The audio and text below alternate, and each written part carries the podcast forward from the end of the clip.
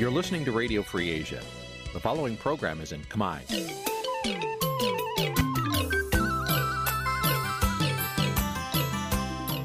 នេះជាកម្មវិធីផ្សាយ Vuthu Azizi Serai នេះជាកម្មវិធីផ្សាយរបស់ Vuthu Azizi Serai ជាភាសាខ្មែរ Vuthu Azizi Serai សូមស្វាគមន៍លោកអ្នកនាងទាំងអស់ពីរដ្ឋធានី Washington នៃសហរដ្ឋអាមេរិក បាទខ្ញុំបាទយ៉ងច័ន្ទដារាសូមជម្រាបសួរលោកអ្នកនាងអ្នកស្ដាប់ Vuthu Azizi Serai ទាំងអស់ជាទីមេត្រីខ្ញុំបាទសូមជូនកម្មវិធីផ្សាយសម្រាប់ព្រឹកថ្ងៃសៅរ៍900ខែមករាឆ្នាំខាលចត្វាស័កពុទ្ធសករាជ2566ត្រូវនឹងថ្ងៃទី17ខែធ្នូ គ្រិស្តសករាជ2022បាទជាដំបូងនេះសូមអញ្ជើញអស់លោកអ្នកនាងស្ដាប់ព័ត៌មានប្រចាំថ្ងៃ ដែលមានមេត្តាដូចតទៅ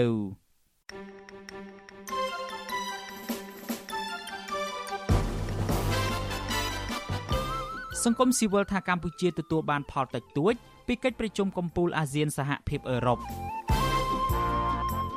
ក្រុមកោតក្រ Nagawal បដិញ្ញាចាត់ចេញតវ៉ាទោះជាមានករណីដាក់គ្រាប់បែកក្បែរកន្លែងកោតកម្ម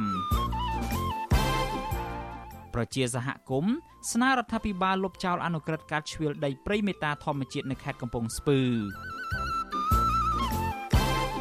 ប្រជានេសាទបារម្ភបាត់បង់មុខរបរក្រោយក្រុមហ៊ុនខុនសៀបន្តចាក់លុបទន្លេមេគង្គនៅតំបន់អរិយខ្សាត់រួមនឹងព័ត៌មានសំខាន់សំខាន់មួយចំនួនទៀត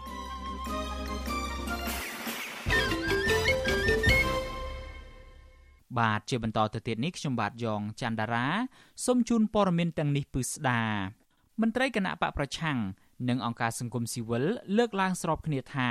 កម្ពុជាទទួលបានផលប្រយោជន៍តិចតួច លើកិច្ចសហប្រតិបត្តិការផ្នែកសេដ្ឋកិច្ចនិងពាណិជ្ជកម្មរវាងអាស៊ាននិងសហភាពអឺរ៉ុបប្រសិនបារដ្ឋាភិបាលលោកហ៊ុនសែននៅតែរំលោភលទ្ធិប្រជាធិបតេយ្យនិងបំបិទសិទ្ធិសេរីភាពប្រជាពលរដ្ឋតទៅទៀតការលើកឡើងនេះគឺបន្ទាប់ពីក្រុមមេដឹកនាំនៃសមាជិកសហភាពអឺរ៉ុបនិងអាស៊ាន បានបដិញ្ញាបង្កើនកិច្ចសហប្រតិបត្តិការលើវិស័យសេដ្ឋកិច្ចនិងពាណិជ្ជកម្មនាពេលអនាគតបាទអ្នកស្រីម៉ៅសុធានីរាយការណ៍ព័ត៌មាននេះ មន្ត្រីគណៈបពប្រឆាំងនិងមន្ត្រីសង្គមស៊ីវិលលើកឡើងថាកម្ពុជាមិនទទួលបានចំណេញអ្វីជាដុំកំភួននៃកិច្ចប្រជុំកំពូលអាស៊ាននិងសហភាពអឺរ៉ុបខណៈដែលកម្ពុជាពុំទាន់បង្ហាញសញ្ញាណាមួយនៃការបើកលំហប្រជាធិបតេយ្យនិងសិទ្ធិនយោបាយពួកគេស្នើដល់រដ្ឋាភិបាលឲ្យបន្ទន់អេរយាប័តដើម្បីរួចផុតពីការដាក់សម្ពាធការដាក់ទណ្ឌកម្មនានានិងបង្កើតទំនាក់ទំនងការទូតល្អជាមួយសហភាពអឺរ៉ុបទៅថ្ងៃអនាគត មន្ត្រីជាន់ខ្ពស់គណៈបកសង្គ្រោះជាតិលោកអ៊ុំសំអាន ថ្លែងថាកម្ពុជាហាក់ទាញយកផលប្រយោជន៍បានតិចតួច ពីសហភាពអឺរ៉ុបដោយសារទង្វើរំលោភសិទ្ធិលើប្រជាខ្មែរនៅក្នុងប្រទេស បានធ្លាក់ចុះជាបន្តបន្ទាប់ លោកថាហេតុផលដែលលោកហ៊ុនសែនមិនចង់ឃើញសហភាពអឺរ៉ុបលើកយកបញ្ហាប្រជាធិបតេយ្យនិងសិទ្ធិមនុស្សមកពាក់ព័ន្ធនឹងកិច្ចសហប្រតិបត្តិការសេដ្ឋកិច្ចនិងពាណិជ្ជកម្មសេរីជាមួយអាស៊ានដោយសារលោកហ៊ុនសែនចង់បិទបាំងការបំបិទសិទ្ធិត្រីភាពរបស់ប្រជាពលរដ្ឋក្នុងទិសដៅដឹកនាំប្រទេសបែបផ្ដាច់ការតវងត្រកូលរបស់លោក លោកអ៊ុំសំអានថាដំណោះស្រាយដំបូងរដ្ឋាភិបាលត្រូវយកចិត្តទុកដាក់ដោះស្រាយលើបញ្ហាប្រព័ន្ធអនុគ្រោះពន្ធ EBA ពីព្រោះវាមានសារៈសំខាន់ដល់ប្រជាក្រីក្រនិងជាតម្រូវការចាំបាច់សម្រាប់សេដ្ឋកិច្ចជាតិមុនស្វែងរកកិច្ចព្រមព្រៀងផ្សេងទៀតកាលណាគេផ្ដាច់អនុគ្រោះពន្ធ EBA 20%សារអាមេរិកគេព្យួរការគ្រោះពន្ធទូទៅ GSP ហ្នឹងអត់ដល់ឲ្យកម្ពុជាហ្នឹងឃើញយើងបាត់ផលប្រយោជន៍ហ៎ដោយសារយើងមិនស្ដារជាតិបតៃនិងការគ្រប់សិទ្ធិមនុស្សឃើញទេ គាត់មិនខ្វល់ពីសុខទុក្ខរបស់កម្មករទេគាត់ខ្វល់តែពីអំណាចរបស់គាត់ហើយគាត់យកអំណាចរបស់គាត់ហ្នឹងធ្វើជាលេសថាការពារអធិបតេយ្យភាពជាតិក៏ប៉ុន្តែការពារអំណាចផ្ដាច់ការតវនតកូលរបស់គាត់ទេដូច្នេះកម្ពុជាយើងនឹងទទួលបានផលតិចតួចណានៅពេលដែលមានកិច្ចព្រមព្រៀងពាណិជ្ជកម្មសេរីជាមួយអាស៊ាននិងសហភាពអឺរ៉ុបនៅពេលខាងមុខប៉ុន្តែប្រទេសនៅក្នុងតំបន់ដទៃទៀតគេនឹងទទួលបានផលប្រយោជន៍ជាងកម្ពុជាដោយសារគេមានដំណាក់ទំនងល្អជាមួយសហភាពអឺរ៉ុប ប្រតិកម្មនេះធ្វើឡើងនៅបន្ទាប់ពីលោកនាយករដ្ឋមន្ត្រីហ៊ុនសែនក្នុងនាមជាប្រធានបដូវវេនអាស៊ានជិតផុតអាណត្តិបានថ្លែងក្នុងសន្និសីទកាសែតបិទបញ្ចប់កិច្ចប្រជុំកំពូលអាស៊ានអឺរ៉ុបកាលពីថ្ងៃទី14ខែធ្នូដែលលោកបានជំរុញឲ្យប្លុកទាំងពីរសម្រាប់ឲ្យបាននូវកិច្ចព្រមព្រៀងពាណិជ្ជកម្មសេរីរវាងតំបន់ទាំងពីរឲ្យបានឆាប់រហ័សតាមដែលអាចធ្វើទៅបាន ដោយផ្អែកលើភាពជាដៃគូស្មើភាពនិងស្មើសិទ្ធិគ្នា លោកហ៊ុនសែនថាគេមិនគួរដាក់បញ្ហានយោបាយមករាំងខ្ទប់ចំពោះកិច្ចព្រមព្រៀងពាណិជ្ជកម្មសេរីនោះឡើយសហភាពអឺរ៉ុបបានដាក់ទណ្ឌកម្មសេដ្ឋកិច្ចមកលើកម្ពុជា តាមរយៈការដកប្រព័ន្ធអនុគ្រោះពន្ធ EBA 20% កាលពីពាក់កណ្ដាលខែសីហាឆ្នាំ2020កន្លងទៅនេះដោយសាររដ្ឋាភិបាលលោកហ៊ុនសែនបានរំលោភកិច្ចព្រមព្រៀងផ្ដល់ប្រព័ន្ធអនុគ្រោះពន្ធគណៈកម្មការអឺរ៉ុបការនោះបានរកឃើញថារដ្ឋាភិបាលលោកហ៊ុនសែនបានរំលោភសិទ្ធិមនុស្សនិងសិទ្ធិការងារធ្ងន់ធ្ងរជាប្រព័ន្ធក្រោយពីរដ្ឋាភិបាលបានរំលាយគណៈបកសង្គ្រោះជាតិកាលពីចុងឆ្នាំ2017និងបានរៀបចំព្រឹត្តិការណ៍បោះឆ្នោតជាតិឆ្នាំ2018ដែលរងការរិះគន់ថាជាការបោះឆ្នោតបែបបង្ក្រប់កិច្ច ការដែលលោកហ៊ុនសែនមិនចង់ឃើញសហភាពអឺរ៉ុបយករឿងសិទ្ធិមនុស្សនិងនយោបាយមកពាក់ព័ន្ធនឹងកិច្ចព្រមព្រៀងពាណិជ្ជកម្មសេរីជាមួយប្លុកអាស៊ាននៅពេលនេះត្រូវបានគេមើលឃើញថាដោយសារតែលោកហ៊ុនសែនបារម្ភខ្លាចប៉ះពាល់ដល់ការគ្រប់គ្រងអំណាចបែបផ្ដាច់ការនិងតពូជវងត្រកូលរបស់លោក សេចក្តីថ្លែងការណ៍រួមរបស់ក្រុមមេដឹកនាំកិច្ចប្រជុំកម្ពុជាឲ្យដឹងថាក្រុមមេដឹកនាំប្លុកទាំងពីរបដិញ្ញាបង្កើនកិច្ចសហប្រតិបត្តិការលើវិស័យសេដ្ឋកិច្ចនិងពាណិជ្ជកម្មដោយដាក់គោលដៅបង្កើតកិច្ចព្រមព្រៀងពាណិជ្ជកម្មសេរីរវាងប្លុកទាំងពីរនាពេលអនាគតក្រុមមេដឹកនាំគូបញ្ជាក់ថាពួកគេគ្រប់គ្រងដល់ការថែរក្សានិងការពង្រឹងប្រព័ន្ធពាណិជ្ជកម្មពហុភាគីនិយមដែលបើកចំហសេរីរួមបញ្ចូលគ្រប់ភាគីមិនរើសអើងដំណាភាពនិងស្របតាមបញ្ញត្តិនៃច្បាប់នានាដោយតែបានចែងដោយអង្គការពាណិជ្ជកម្មពិភពលោកវិជ្ជាអសីស្រីមិនអាចតាក់ទងប្រធានអង្គភិបអ្នកនាំពាក្យរដ្ឋាភិបាលលោកផៃស៊ីផាន និងអ្នកនាំពាក្យក្រសួងការបរទេសលោកជុំសុនារីដើម្បីបញ្ជាក់បន្ថែមជុំវិញរឿងនេះបាននៅឡើយទេនៅថ្ងៃទី16ខែធ្នូ ជុំវិញរឿងនេះដែរអគ្គលេខាធិការសហព័ន្ធនិស្សិតបញ្ញវន្តកម្ពុជា លោកគៀនពន្លកលើកឡើងថាសហភាពអឺរ៉ុបតែងតែជំរុញអរដ្ឋាភិបាលកម្ពុជាស្ដារប្រជាធិបតេយ្យនិងសិទ្ធិមនុស្សព្រមទាំងចង់ឃើញកម្ពុជារក្សាបាននូវនយោបាយការបរទេសអព្យាក្រឹតជាពិសេសជាមួយប្រទេសចិន លោកមើលឃើញថាការដែលសហគមន៍អន្តរជាតិលើកយកបញ្ហាសិទ្ធិសេរីភាពនៅក្នុងប្រទេសដោយផ្សារភ្ជាប់ទំនាក់ទំនងការទូតពាណិជ្ជកម្មគឺស្របតាមកិច្ចព្រមព្រៀងសន្តិភាពទីក្រុងប៉ារីសនិងរដ្ឋធម្មនុញ្ញដែលពួកគេមិនបានរំលោភអធិបតេយ្យឬឯករាជ្យរបស់កម្ពុជានោះឡើយផ្ទុយទៅវិញលោកយល់ថាសហភាពអឺរ៉ុប នឹងមិនចុះកិច្ចព្រមព្រៀងពាណិជ្ជកម្មសេរីដល់កម្ពុជានោះទេបើសិនជារដ្ឋាភិបាលលោកហ៊ុនសែនមិនទាន់ឆ្លើយតបជាវិជ្ជមានជំវិញលក្ខខណ្ឌគ្រឹះរបស់ប្រទេសប្លុកសេរីទាំងនោះលោកមើលឃើញថារដ្ឋាភិបាលលោកហ៊ុនសែនអាចនឹងរងការដាក់សម្ពាធនិងទណ្ឌកម្មថែមទៀត អ្វីដែលជាការលើកឡើងរបស់លោកនាយករដ្ឋមន្ត្រីគេនៅតែមិនមានជំនឿទេហើយខ្ញុំជឿថាសហភាពអឺរ៉ុបនឹងបន្តដាក់ទណ្ឌកម្មទៅលើប្រទេសកម្ពុជាដរាបណាកម្ពុជាមិនប្រាក់កែប្រែអេរិយាប័ត្ររបស់ខ្លួនគឺការគោរពសិទ្ធិមនុស្សការគោរពលទ្ធិប្រជាធិបតេយ្យហើយនឹងបើកកំហុសសេរីភាពឲ្យមានការដោះលែងសកម្មជននយោបាយសកម្មជនសិទ្ធិមនុស្សដែលកំពុងតែជាប់ពន្ធនាគារបាទ សហភាពអឺរ៉ុបបានបដិញ្ញាផ្ដល់មូលនិធិជាង10000លានដុល្លារអាមេរិកសម្រាប់វិនិយោគលើគម្រោងនានានៅក្នុងតំបន់អាស៊ាន រហូតដល់ឆ្នាំ2027ដើម្បីបង្កើនកិច្ចសហប្រតិបត្តិការកាន់តែខ្លាំងលើផ្នែកសេដ្ឋកិច្ចពាណិជ្ជកម្មហេដ្ឋារចនាសម្ព័ន្ធនិងធម្មពលជាដើមចាននាងខ្ញុំម៉ៃសុធានីវិទ្យុអតិសរីប្រធានាធិបតី Washington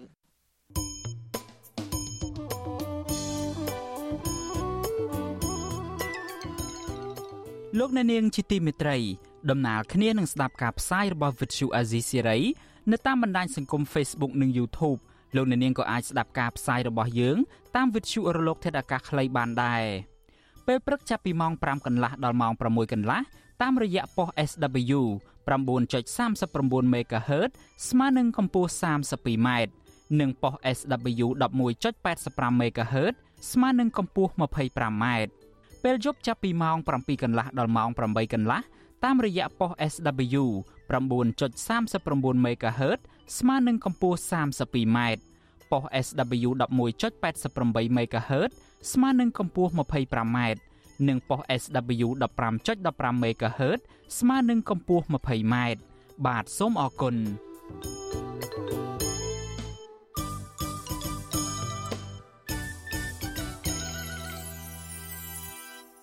លោកអ្នកនាងកំពុងស្ដាប់ការផ្សាយរបស់ Vuthu Azizi Serai ពីរដ្ឋធានី Washington នៃសហរដ្ឋអាមេរិក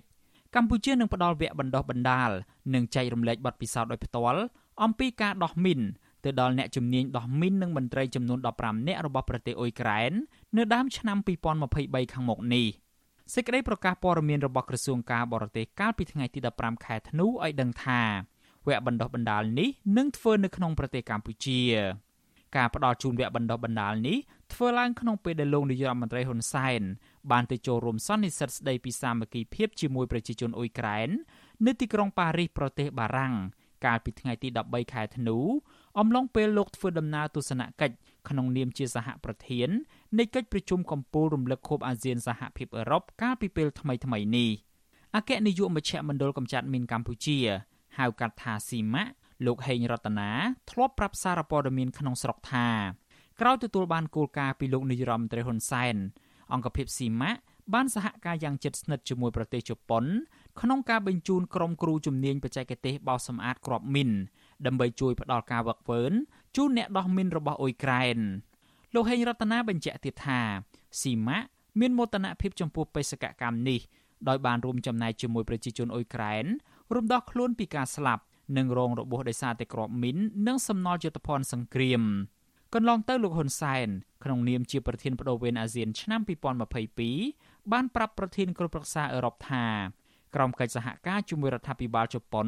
កម្ពុជាត្រៀមខ្លួនជាស្រេចនៅក្នុងការបញ្ជូនអ្នកដោះមីនទៅជួយបណ្ដុះបណ្ដាលអ្នកដោះមីនរបស់អ៊ុយក្រែននៅប្រទេសប៉ូឡូញហើយបានបញ្ជូនសំណើរបស់អ៊ុយក្រែនទៅរដ្ឋាភិបាលជប៉ុន ដើម្បីជួយផ្ដល់ឧបករណ៍ដោះមីនសម្រាប់ប្រតិបត្តិការដោះមីននៅអ៊ុយក្រែននេះកម្ពុជាធ្លាប់បានបញ្ជូនកងទ័ពជំនាញផ្សេងផ្សេងទៅបំពេញបេសកកម្មមនុស្សធម៌នៅក្រៅប្រទេសក្រោមឆ័ន្ទអង្គការសហប្រជាជាតិក្នុងនោះក៏រួមមានទាំងជំនាញដោះមីននេះដែរបច្ចុប្បន្ននេះកម្ពុជាមានកងទ័ពមុខខៀវប្រមាណ800នាក់កំពុងបំពេញបេសកកម្មនៅប្រទេសលីបង់ស៊ូដង់ស៊ូដង់ខាងត្បូងម៉ាលី និងសាធារណរដ្ឋអាហ្វ្រិកកណ្ដាលជាដើម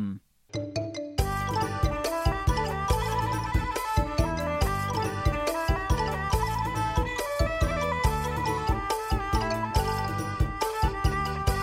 បាទលោកអ្នកនាងជាទីមេត្រីពាក់ព័ន្ធទៅនឹងរឿងកោតកម្មនៅឯក្រុមហ៊ុន Casino NagaWorld ឯនេះវិញ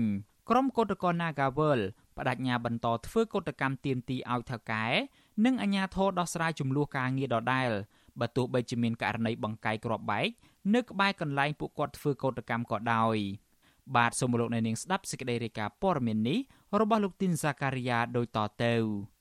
ក្រុមកោតក្រចាត់ទុកការបង្កាយគ្រាប់បែកនៅក្បែរកាស៊ីណូ Nagavel ថាជាការគម្រិតកំហែងមិនចង់ឲ្យពួកគាត់ធ្វើកោតកម្មបន្តទៀតកោតក្រមួយរូបគឺកញ្ញាអាទីនឲ្យដឹងកាលពីយប់ថ្ងៃទី16ធ្នូថា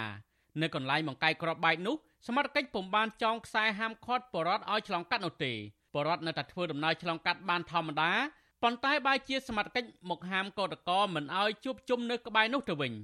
អាទីនបន្ថែមថាការបង្កាយគ្រាប់បែកនេះ អាចជាការគំរាមកំហែងដល់កោតក្រកថាបានបើសិនជាយើងគិតក្នុងផ្លូវអាក្រក់ចាយើងនិយាយថាគិតនៅក្នុងផ្លូវអាក្រក់បើសិនជាគេយកវិធីសាស្ត្រនឹងដើម្បីមកបំបែកកោតកម្មមែនវាជារឿងអមនុស្សធម៌มันអាចទទួលយកបានទេព្រោះជីវិតមនុស្សមិនមែនជាសម្រាមមិនមែនជាសត្វធាតទោះជាសត្វធាតក៏កុំត្រូវតែមានក្តីអាណិតអាសូរដែរអញ្ចឹងបើសិនតែគ្រាន់ពីរឿងវិវាទការងារនឹងយកមកគម្រាមបន្លាចជីវិតមនុស្សសឹងស្រស់ស្រស់បែបហ្នឹងក្នុងនាមពួកខ្ញុំក៏ពួកខ្ញុំភ័យខ្លាចដែរប៉ុន្តែយើងត្រូវតែជំនះអាភាពភ័យខ្លាចហ្នឹងដើម្បីយើងទទួលបានលទ្ធផលដែលយើងចង់បានហ្នឹងគឺយុត្តិធម៌ពាក្យមួយម៉ាត់យើងយកមកដាក់មុខហ្នឹងគឺយុត្តិធម៌យើងចង់បានវាណាស់ឥឡូវហ្នឹងទោះបីជាមានការបង្កាយក្របបែកនៅខាងមុខអគារកាស៊ីណូ Nagavel ទី2ក្បែរកន្លែងក្រុមកោតក្រតែងតែធ្វើការតវ៉ា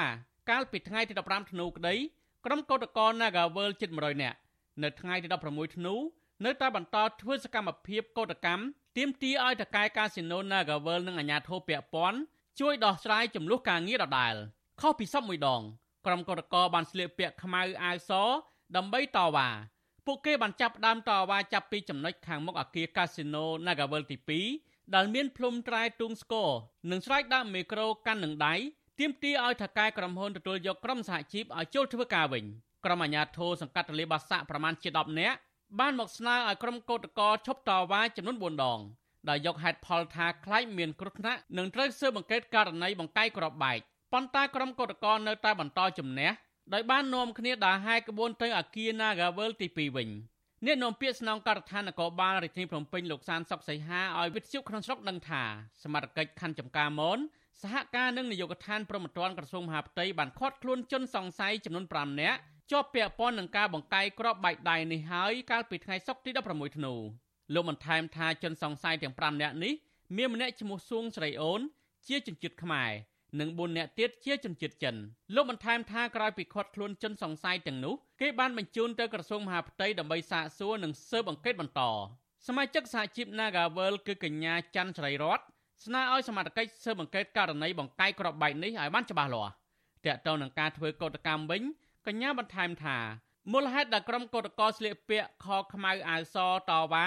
គឺដើម្បីកាន់ទុកដល់ក្រសួងការងារនិងស្ថាប័នរដ្ឋាភិបាលដែលមានទូនាទីដោះស្រាយចំនួនការងារប៉ុន្តែមិនបានអើពើទៅវិញហើយស្ថាប័នទាំងនេះ ក៏មិនដាល់ជំរុញទៅតកែ Nagavel ឲ្យគោរពច្បាប់កម្ពុជាដែរសូមសម្ដេចពុកគាត់ជួយ អន្តរាគមហើយជួយដោះស្រាយវិវាទការងារនៃក្រុមហ៊ុន Nagavel នេះផងទៅព្រោះអីតកែ Nagavel គាត់ជាជនបរទេសទេសម្ដេចអត់ត្រូវបដ ாய் ឲ្យគាត់ជាជនបរទេសមករំលោភសិទ្ធិការងារទាំងបំពេញអញ្ចឹងទេខ្ញុំជឿថាសម្ដេចនឹងមើលឃើញពីទុកលំបាករបស់ប្រជានៅសល់តែ2ថ្ងៃទៀតទេ ជាខួប1ឆ្នាំនៃការចេញធ្វើកោតកម្មរបស់បុគ្គលិកក្រុមហ៊ុន Nagavel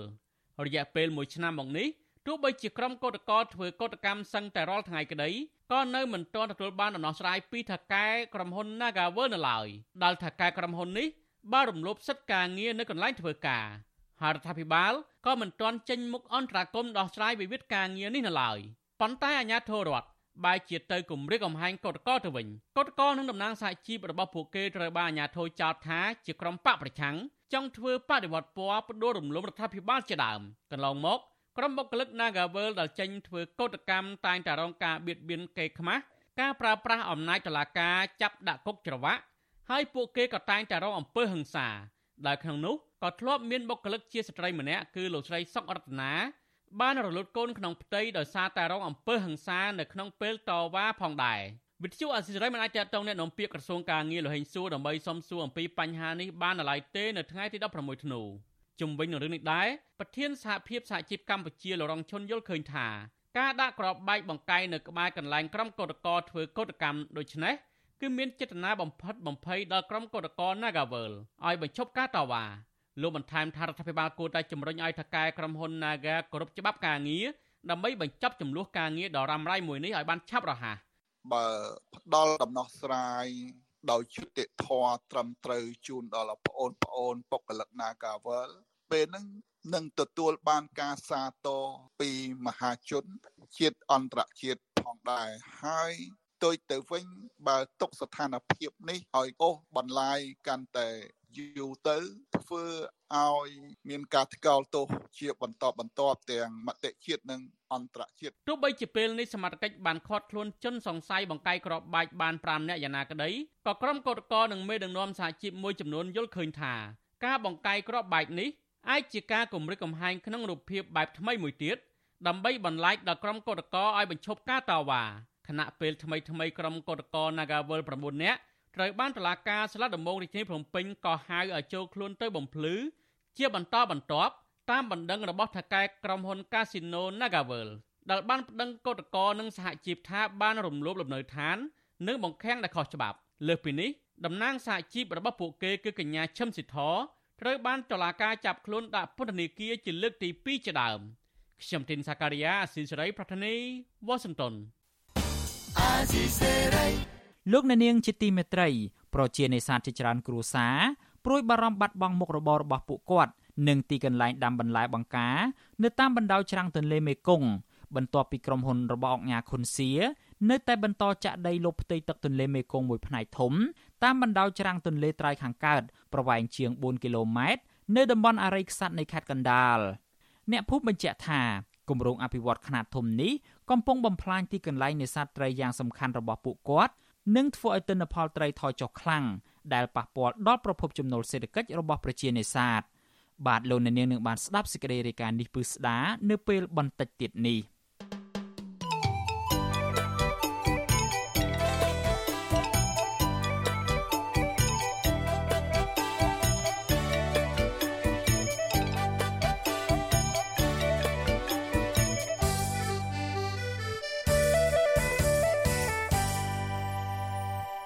លោកនាងកំពុងស្ដាប់ការផ្សាយរបស់ Vuthu Azizi Serai ពីរដ្ឋធានី Washington នៃសហរដ្ឋអាមេរិកប្រជាសហគមន៍ជនជាតិដើមភាគតិចជងនៅក្នុងខេត្តកោះកុងកំពុងព្រួយបារម្ភខ្លាចបាត់បង់ទីកន្លែងទេសចរដ៏សំខាន់នៅតំបន់អរ៉ែងដែលធ្វើឲ្យប៉ះពាល់ដល់ប្រភពចំណូលរបស់អ្នកភូមិក្រោយពីរដ្ឋាភិបាលកាត់ជ្រៀលតំបន់អភិរក្សនេះជាង120,000ហិកតា ពួកគាត់ប្រកាសជំហរថា នឹងបន្តទៀមទីឲ្យក្រសួងបរិស្ថានបំភ្លឺរឿងនេះក្រោយពីមន្ទីរបរិស្ថានខេត្តនេះមិនឆ្លើយតបចំពោះញត្តិនិងសំណុំពររបស់ពួកគាត់អស់រយៈពេលជាង3សប្តាហ៍មកហើយបាទលោកលេងម៉ាលីរាយការណ៍ព័ត៌មាននេះពិស្ដាជនជាតិដើមភាគតិចជងរស់នៅភូមិជំនាប់ឃុំជំនាប់ស្រុកថ្មបាំងខេត្តកោះកុងអំពាវនាវដល់រដ្ឋាភិបាលឲ្យប្រុងប្រយ័ត្នខ្ពស់ក្នុងការកាត់ជ្រៀលតំបន់អភិរក្សជាច្រើនម៉ឺនហិកតា ដែលអាចនឹងប៉ះចំព្រៃព្រឹក្សាអូធម្មជាតិជ្រលងភ្នំ និងកន្លែងរកអនុផលព្រៃឈើយ៉ាងសំខាន់របស់ជនជាតិដើមភាគតិចតាំងពីបុរាណកាលមកពួកគាត់ចាត់ទុកសម្បត្តិធម្មជាតិទាំងនេះថាជាអត្តសញ្ញាណភូមិកំណើតរបស់ជនជាតិដើមជងដែលមានទម្លាប់អាស្រ័យផលធនធានធម្មជាតិនិងរកប្រាក់ចំណូលពីវិស័យទេសចរចិញ្ចឹមជីវិតប្រធានសហគមន៍ជនជាតិដើមភាគតិចជងតំបន់អរ៉ែងលោកហ៊ីងពៅប្រាប់វិទ្យុអស៊ីសេរីនៅថ្ងៃទី16ធ្នូថា ក្រោយពីអ្នកភូមិទទួលដំណឹងថាតំបន់អរ៉ែងត្រូវបានរដ្ឋាភិបាលកាត់ជ្រៀលចេញដ៏ធំសម្បើមធ្វើឲ្យពួកគាត់ដេកភ័យខ្លាចក្រែងបាត់បង់ព្រៃឈើនិងសត្វព្រៃជាច្រើនប្រភេទដែលតាក់ទាញភ្ញៀវទេសចរលោកបន្ថែមថាពេលនេះអ្នកភូមិជំនាប់រាប់រយគ្រួសារទទួលបានប្រាក់ចំណូលពីវិស័យទេសចរតាមរយៈផ្ដល់សេវាកម្មជិះទូកកំសាន្តស្នាក់នៅអាហារនិងចូលព្រៃកំសាន្តជាដើម លោកបារម្ភថារូបភាពជ្រឿលដីអភិរក្សដ៏ធំធេងនេះនៅថ្ងៃខាងមុខជៀសមិនផុតពីក្រុមអ្នកមានអំណាចនិងក្រុមហ៊ុនឯកជនមកវិនិយោគនៅទីនោះបំផ្លាញសេចក្តីសុខរបស់អ្នកភូមិនោះទេ។ ភូមិរបស់យើងសិតតែកន្លែងដែលមានសក្តានុពលផ្នែកខាងវិស័យទេសចរអញ្ចឹងវាមានតាមដងស្ទឹងយើងអាចស្ទូចត្រីអុំទូកហើយនឹងតាមព្រៃភ្នំមួយជិះម៉ូតូទៅដល់នេះក៏យើងដើរធ្មួយជើងមានកន្លែងទឹកជ្រោះមានកន្លែងមើលសត្វផ្សេងផ្សេងមានច្រើនយើងបារម្ភបើសិនជាគេកាត់អាតំបន់ហ្នឹងឲ្យតែក្រុមហ៊ុនណាមួយដែលគេវិនិយោគនៅតំបន់នោះអញ្ចឹងអ្វីដែលយើងធ្លាប់អាស្រ័យផលហ្នឹងវាបាត់បង់ទាំងស្រុងតែម្ដងកាលពីដើមខែមីនាឆ្នាំ2021 លោកនាយករដ្ឋមន្ត្រីហ៊ុនសែនបានចេញអនុក្រឹត្យកាត់ជ្រៀលតំបន់អភិរក្សចំនួន8ដែលមានផ្ទៃដីជាង120,000ហិកតាពីដីសាធារណៈរបស់រដ្ឋមកជាដីឯកជនរបស់រដ្ឋដើម្បីចែកពលរដ្ឋនិងរក្សាទុកឲ្យរដ្ឋបាលខេត្តកោះកុងកាន់កាប់តំបន់អភិរក្សចំនួន8នោះរួមមានដែនជម្រកសត្វព្រៃភ្នំសំកុសឧទ្យានជាតិជួរភ្នំក្រវាញខាងត្បូងឧទ្យានជាតិជួរភ្នំក្រវាញកណ្ដាលដែនជម្រកសត្វព្រៃភ្នំតាតៃ ដែនជម្រកសត្វព្រៃពីមក្រសោបឧទ្យានជាតិបុទុមសាគរតំបន់ប្រើប្រាស់ច្រើនយ៉ាង ដងពេងនិងតំបន់របៀងអភិរក្សជីវៈចម្រុះជួរភ្នំក្រវាញលោកហ៊ីងពៅបន្ថែមថាសមាជិកសហគមន៍ចង់ឲ្យអាជ្ញាធរបង្ហាញចំណុចព្រំប្រទល់តំបន់ដែលកាត់ជ្រៀលឲ្យបានច្បាស់លាស់ដើម្បីជៀសវាងកើតមានចំនួនរវាងប្រជាសហគមន៍និងមន្ត្រីបរិស្ថាន រួមទាំងក្រុមហ៊ុនឯកជន នៅថ្ងៃខាងមុខ លោកបារម្ភថាពួកគាត់មិនទាន់មានភាពកក់ក្ដៅនៅឡើយទេដរាបណារដ្ឋាភិបាលមិនទាន់បំភ្លឺឲ្យគ្រប់ជ្រុងជ្រោយជុំវិញការកាត់ជ្រៀលដីអភិរក្សជាង100,000ហិកតានេះ សិនជាមិនធ្វើអញ្ចឹងទេអញ្ចឹងប្រជាជនហ្នឹងអាចមានការប្រឈមទៅនឹងផ្លូវច្បាប់ដោយសារតែមន្ត្រីអភិរក្សប្រៃឈើនៅតំបន់ហ្នឹងគាត់ធ្វើការជារៀងរាល់ថ្ងៃអញ្ចឹងគាត់បានបែងចែកផ្ទៃដីណាសម្រាប់អភិរក្សផ្ទៃដីណាសម្រាប់បែងចែកឲ្យប្រជាជនទេនេះជាការព្រួយបារម្ភរបស់យើងដូចជាមានរឿងរ៉ាវកន្លងមកតែមានការកាត់ដំណាំការដុតត្រូវនៅតាមចំការដែលគាត់ធ្វើអាស្រ័យផលជារៀងរាល់ឆ្នាំវិទ្យុអស៊ីសេរីមិនអាចសុំការឆ្លើយតបពីអភិបាលខេត្តកោះកុង គឺអ្នកស្រីមិថុនាភូថង និងប្រធានមន្ទីរបរិស្ថានខេត្តកោះកុងលោកហ៊ុនម៉ារ៉ាឌីបានទេនៅថ្ងៃទី16ធ្នូតំណាងក្រមយុវជនខ្មែរថាវរៈដែលចុះអង្កេតរឿងនេះលោកហ៊ុនវណ្ណៈឲ្យដឹងថា អ្នកភូមិភាគច្រើនមិនសូវយល់អំពីច្បាប់ និងគោលនយោបាយរបស់រដ្ឋាភិបាលនោះទេហេតុនេះអាជ្ញាធរជំនាញគួរតែចុះអប់រំណែនាំផ្សព្វផ្សាយប្រាប់ប្រជាពលរដ្ឋឲ្យទូលំទូលាយអំពីការកាត់ជ្រៀលតំបន់អភិរក្សនេះនិងគម្រោងអភិវឌ្ឍន៍នានា លោកបញ្ជាក់ថាពេលនេះប្រជាសហគមន៍នៅតែព្រួយបារម្ភខ្លាំងពីសវត្ថិភាពតំបន់អភិរក្សអរ៉ែងក្រោយពីរដ្ឋាភិបាលកាត់ជ្រៀលយ៉ាងធំធេងដោយស្ងាត់ស្ងាត់រដ្ឋាភិបាលត្រូវតែស្ថាប័នដែលពាក់ព័ន្ធហ្នឹងត្រូវតែធ្វើដើរតួនាទីឲ្យបានបានល្អប្រសើរជាមួយភូមិសាស្ត្រតំបន់ហ្នឹងហើយត្រូវតែមានការផ្សព្វផ្សាយឲ្យបានទូលំទូលាយហ្នឹងហើយការបកស្រាយពយល់សពបែបយ៉ាងតកតងព័ត៌មានដែលរដ្ឋាភិបាលសម្រេចធ្វើស្ងាត់ស្ងាត់ ជុំវិញរឿងនេះមន្ត្រីសម្របសម្រួលសមាគមការពារសិទ្ធិមនុស្សអាត់ហុកខេត្តកោះកុងលោកថោងចន្ទរាយល់ថាតំបន់អរ៉ែងទាំងមូលគួរតែអភិរក្សឲ្យល្អដោយមិនត្រូវបើកឲ្យមានការវិនិយោគកាប់បំផ្លាញធនធានធម្មជាតិក្នុងតំបន់នេះឡើយព្រោះវាធ្វើឲ្យបាត់បង់អត្តសញ្ញាណជនជាតិដើមភាគតិចជងលោកបន្ថែមថាព្រៃព្រឹក្សានៅតំបន់នោះជាអាយុជីវិតរបស់ជនជាតិដើមភាគតិចដូច្នេះអាជ្ញាធរគួរតែថែរក្សាឲ្យគង់វង្ស ព្រៃឈើតំបន់អរ៉ែងគឺជាកន្លែងដ៏ស្រស់ស្អាតមួយក្នុងខេត្តកោះកុងដែលមានប្រភេទសត្វព្រៃដ៏កម្រអមដោយព្រៃឈើស្រស់ត្រកាលសល់ចុងក្រោយនៅកម្ពុជាតំបន់នោះជាកន្លែងដែលជនជាតិដើមភាគតិចជងជាង1500នាក់កំពុងរស់នៅជាមួយនឹងបរិស្ថានធម្មជាតិស្រស់បំព្រងនៅតាមបណ្ដោយជ្រលងភ្នំដែលមានសត្វព្រៃកម្ររស់នៅខ្ញុំបាទលេងម៉ាលីវិទ្យុអេស៊ីសេរីពីរដ្ឋធានី Washington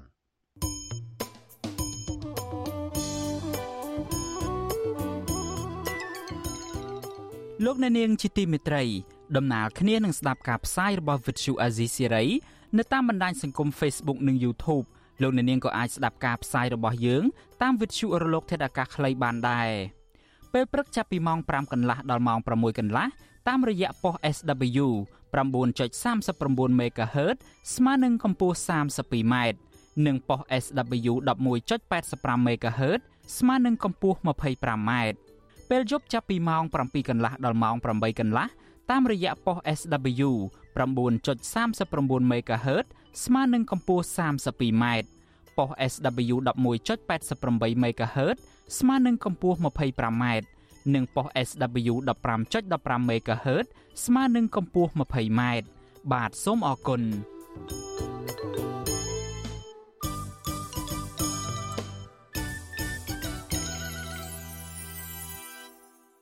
បាទលោកអ្នកនាងជាទីមេត្រីពាក់ព័ន្ធទៅនឹងរឿងតំបន់អភិរក្សនេះដែរប្រជាសហគមន៍ព្រៃមេតាធម្មជាតិស្នើឲ្យរដ្ឋាភិបាលលុបចោលអនុក្រឹត្យកាត់ជ្រឿលដីព្រៃមេតាធម្មជាតិជាង200ហិកតា កាលពីខែសីហាឆ្នាំ2021ដើម្បីឲ្យប្រជាសហគមន៍ជាអ្នកគ្រប់គ្រងវិញសកម្មជនបរិស្ថានយល់ឃើញថារដ្ឋាភិបាលគួរតែធ្វើតាមសំណូមពររបស់ប្រជាសហគមន៍ដើម្បីចូលរួមការពារសត្វព្រៃជិតផុតពូជនិងទប់ស្កាត់ការប្រែប្រួលអាកាសធាតុ បាទលោកនៅវណ្ណរិនរាយការណ៍ព័ត៌មាននេះជូនលោកអ្នកនាងប្រជាសហគមន៍ស្នើរដ្ឋាភិបាលផ្ទេរដីព្រៃមេតាធម្មជាតិដែលបានផ្ដល់ឲ្យក្រមយោធាជាង200ហិកតាតាមរយៈអនុក្រឹត្យចេញពីខែសីហាឆ្នាំ2021មកឲ្យប្រជាសហគមន៍ដាំកូនឈើនិងថែរក្សាឡើងវិញ។ សមាជិកសហគមន៍ព្រៃមេតាធម្មជាតិលោកឡោកសុកលីប្រាប់វិទ្យុអាស៊ីសេរីថាដីព្រៃមេតាធម្មជាតិដែលបានកាប់ឈូសឆាយដោយក្រុមហ៊ុនមិនត្រូវបានបែងចែកដល់គ្រួសារយុធិនឬក្រុមគ្រួសារកងរថក្រោះដូចនឹងអនុក្រឹត្យដែលបានចេញដោយរដ្ឋាភិបាលនោះឡើយ លោកបន្ថែមថាថ្មីថ្មីនេះដីព្រៃមេតាធម្មជាតិដែលបានកាប់ឈូសឆាយកំពុងរងការគំរាមកំហែងពីក្រុមឈ្មួញធ្វើអាជីវកម្មបូមខ្សាច់ប៉ុន្តែដោយមានការរារាំងពីក្រមសហគមន៍ក្រុមហ៊ុនទាំងនោះបានដកគ្រឿងចាក់បូមខ្សាច់របស់ពួកគេទៅវិញលោកឡោកសុកលីស្នើដល់រដ្ឋាភិបាលលុបអនុក្រឹត្យដែលកាត់ជ្រៀលដីព្រៃសហគមន៍មេតាធម្មជាតិចេញវិញ ដើម្បីទុកព្រៃនេះជាទ្រព្យសម្បត្តិជាតិនិងផ្ដល់ផលប្រយោជន៍ដល់សហគមន៍ ខ្ញុំចង់សំណូមពរដល់ថ្នាក់ដឹកនាំនិងរាជរដ្ឋាភិបាលដែលមានថាបានពាក់ព័ន្ធទាំងអស់ខ្ញុំស្នើសុំទុកព្រៃទុកដីនឹងការពារសម្រាប់ឲ្យសត្វព្រៃចូលមកនៅក្នុងព្រៃតំបន់សហគមន៍យើងនឹងដើម្បីឲ្យបានក្មេងចំនួនក្រោយប្រជាពលរដ្ឋសហគមន៍យើងបានអាស្រ័យផលខាងខាងផ្សេងទៀតសិតតែដីក្រុមហ៊ុនអស់ហើយយើងមិនអាចខ្វៀលគូខ្វៀលបីឬអាស្រ័យផលឲ្យបានដូចស្រាប់ម្ដងទេ សមាជិកប្រជាសហគមន៍ព្រៃមេតាធម្មជាតិម្នាក់ទៀតគឺលោកខូនសារិតក៏ស្នើឲ្យរដ្ឋាភិបាលដកហូតព្រៃមេតាធម្មជាតិពីក្រមទាហាន មកធ្វើជាដីព្រៃសហគមន៍ឡើងវិញលោកបន្ថែមថាដីព្រៃដែលបានឈូសឆាយទាំងនោះមិនត្រូវបានបែងចែកទៅឲ្យក្រុមគ្រួសារយោធិនក្រីក្រឡើយទុយទៅវិញដីទាំងនោះត្រូវបានមេតាហានមានឋានៈធំធំ ជាអ្នកកាន់កាប់ដើម្បីលក់បន្តតែប៉ុណ្ណោះលោកខនសារិតទទូចឲ្យអភិបាលខេត្តនិងអាជ្ញាធរពាក់ព័ន្ធទេដីដែលបានឈូសឆាយរួចទាំងនោះមកឲ្យសហគមន៍ថែរក្សាឡើងវិញបើសិនជាឲ្យព្រៃវិមានព្រៃឲ្យដីមកសហគមន៍វិញវាមានប្រយោជន៍ច្រើនអាទី1ប្រជាពលរដ្ឋយើងអាចរកសិតរកអីបេះបន្លែបអីក្នុងនឹងបានទី2គាត់អាចមកលេងគោលេងក្បីអីមកក្នុងនឹងក៏នៅបាននឹងគឺគាត់ចិញ្ចឹមគោចិញ្ចឹមក្បី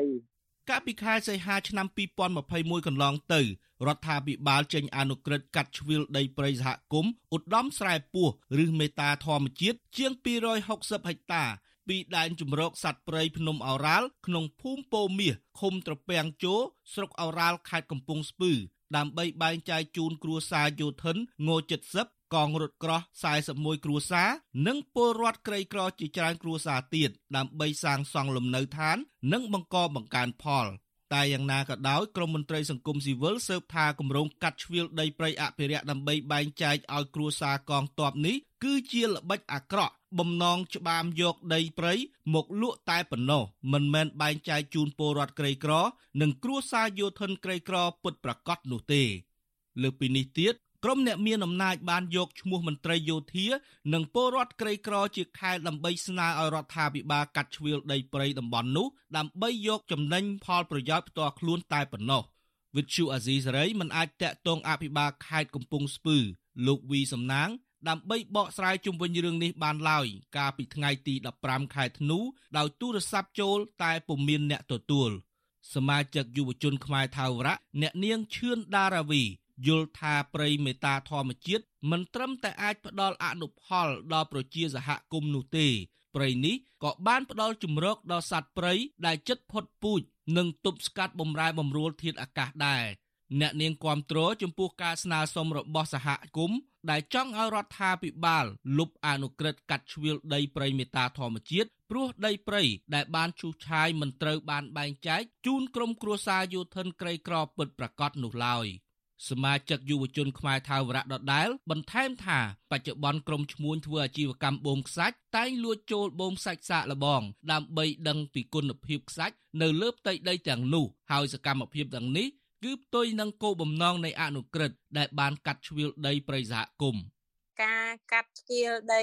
ក្នុងអនុក្រឹត្យឲ្យទៅគ្រួសារតាហ៊ាននេះយើងឃើញជាក់ស្ដែងគឺសម្រាប់ធ្វើអាជីវកម្មបូមខ្សាច់អីផ្សេងផ្សេងអញ្ចឹងណាដែលកន្លងទៅ ហើយឥឡូវហ្នឹងក៏អាដីដែលអនុក្រឹត្យថ្មីហ្នឹងក៏វាដូចគ្នាណាចាស់នោះដែរព្រោះអាចាស់មុនសម្រាប់តែ12គ្រួសារហើយប្រហែលហិកតាហ្នឹងគឺអត់មានគ្រួសារតបទៅនៅឃើញតែមានអាជីវកម្មបូមខ្សាច់ចិត្តមួយខែមុនហ្នឹងក៏គេក្រងដាក់ទៅបូមខ្សាច់ដែរណាអនុក្រឹត្យហ្នឹងនៅតំបន់ខ្សាច់សហ្នឹងណាព្រៃសហគមន៍មេតាធម្មជាតិមានផ្ទៃដី887ហិកតា មានសត្វព្រៃកម្រជាច្រើនប្រភេទរស់នៅក្នុងទីនោះ រួមមានទោចស្វាក្ងោក មាន់ព្រៃនិងឆ្លុះជាដើមប្រជាសហគមន៍ធ្លាប់រងអំពើហិង្សាពីក្រមយោធាជាច្រើនដង ដោយសារតែពួកគេធ្វើការតវ៉ាមិនអោយក្រមយោធាឈូសឆាយដីព្រៃលើសពីទំហំអនុក្រឹត្យកាត់ជ្រៀលឲ្យកន្លងមករដ្ឋបាលខេត្តកំពង់ស្ពឺក៏ធ្លាប់បានចុះទៅវាស់ដើម្បីកំណត់ព្រំប្រទល់រវាងដីព្រៃសហគមន៍ដែលនៅសេសសល់និងដីដែលត្រូវបានឈូសឆាយដោយអនុក្រឹត្យផងដែរ ក៏ប៉ុន្តែគេមិនទាន់បានឃើញមានការកំណត់ព្រំប្រទល់ច្បាស់លាស់ណាមួយនៅឡើយទេដោយឡែកដីព្រៃសហគមន៍មេតាធម្មជាតិដែលត្រូវបានឈូសឆាយទាំងអស់ត្រូវបានទុកចោលនិងមិនមានការអភិវឌ្ឍអ្វីនោះឡើយខ្ញុំបាទនៅវណ្ណរិន With Chu Asisari ពីរដ្ឋធានី Washington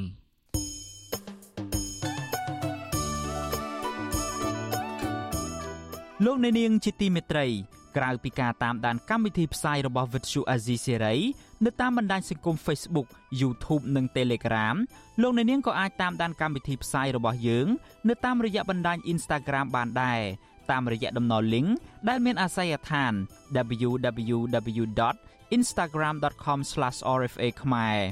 អាស៊ីសេរីបន្តខិតខំផ្សព្វផ្សាយព័ត៌មានពិតទៅកាន់បងប្អូនតាមរយៈបណ្ដាញសង្គមផ្សេងផ្សេងនិងសម្បូរបែបដើម្បីឲ្យលោកអ្នកនាងងាយស្រួលតាមដានកម្មវិធីផ្សាយរបស់អាស៊ីសេរីគ្រប់ពេលវេលា និងគ្រប់ទីកន្លែង តាមរយៈទូរស័ព្ទរបស់លោកអ្នកនាង បាទសូមអរគុណ